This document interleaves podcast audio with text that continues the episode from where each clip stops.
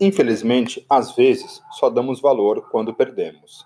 Em dois dias seguidos, eu pude conversar com dois profissionais de projeto de agências que eu admiro demais, pessoas que eu agradeço muito em poder sentar e conversar. Eu repito e sempre reforço: que privilégio poder ter essas conversas. Mas o papo aqui não é sobre esse privilégio, e sim sobre como as duas pessoas, sem nenhuma orientação prévia durante a conversa, levantaram a mesma questão: a invisibilidade do valor da gestão de projetos falando da figura profissional e da disciplina. E claro, esse retrato sobre a agência de publicidade. Antes de mais nada, isso não é um julgamento sobre nada, e sim uma reflexão que fizemos nessas conversas e achei bacana compartilhar.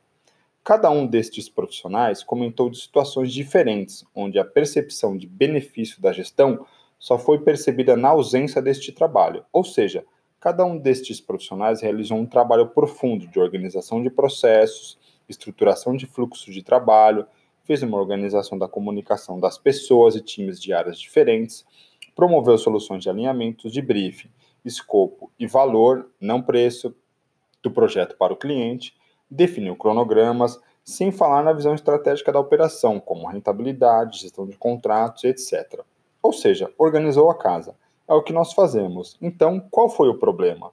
Essas duas pessoas saíram das respectivas agências onde estavam e bum, o mundo caiu. Nada funcionava, tudo atrasava, ninguém sabia o que era para ser feito e por aí vai.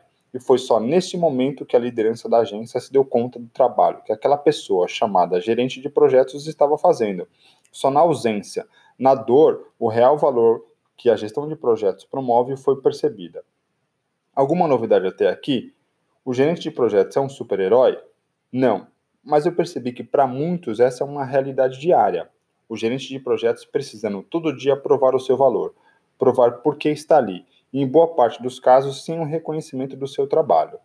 Não estou dizendo aqui que ele precisa de uma festa, de um parabéns todos os dias. Não.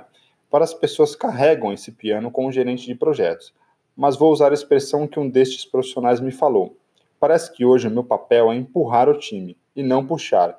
Eu preciso estar lá atrás, fazendo todo mundo ir para frente para que o time brilhe, para que o projeto seja entregue, mas isso também muitas vezes não evidencia o trabalho de uma boa gestão. É algo que eu comento sempre que posso quando eu vou em alguma palestra ou estou em algum espaço de conversa. Qualquer trabalho de gestão mostra algum resultado no médio e longo prazo. Raros os casos onde, do ponto de vista de gestão, você executa algo que no dia seguinte tudo mudou. Leva algum tempo para que essa percepção apareça, e é aí que mora a dúvida do valor. Claro, vários outros aspectos da nossa indústria levaram a este cenário. Mas o papo aqui não é esse. O papo aqui é como vamos ver muita gente dando valor para a disciplina de projetos na hora da dor. E isso não é bom para ninguém.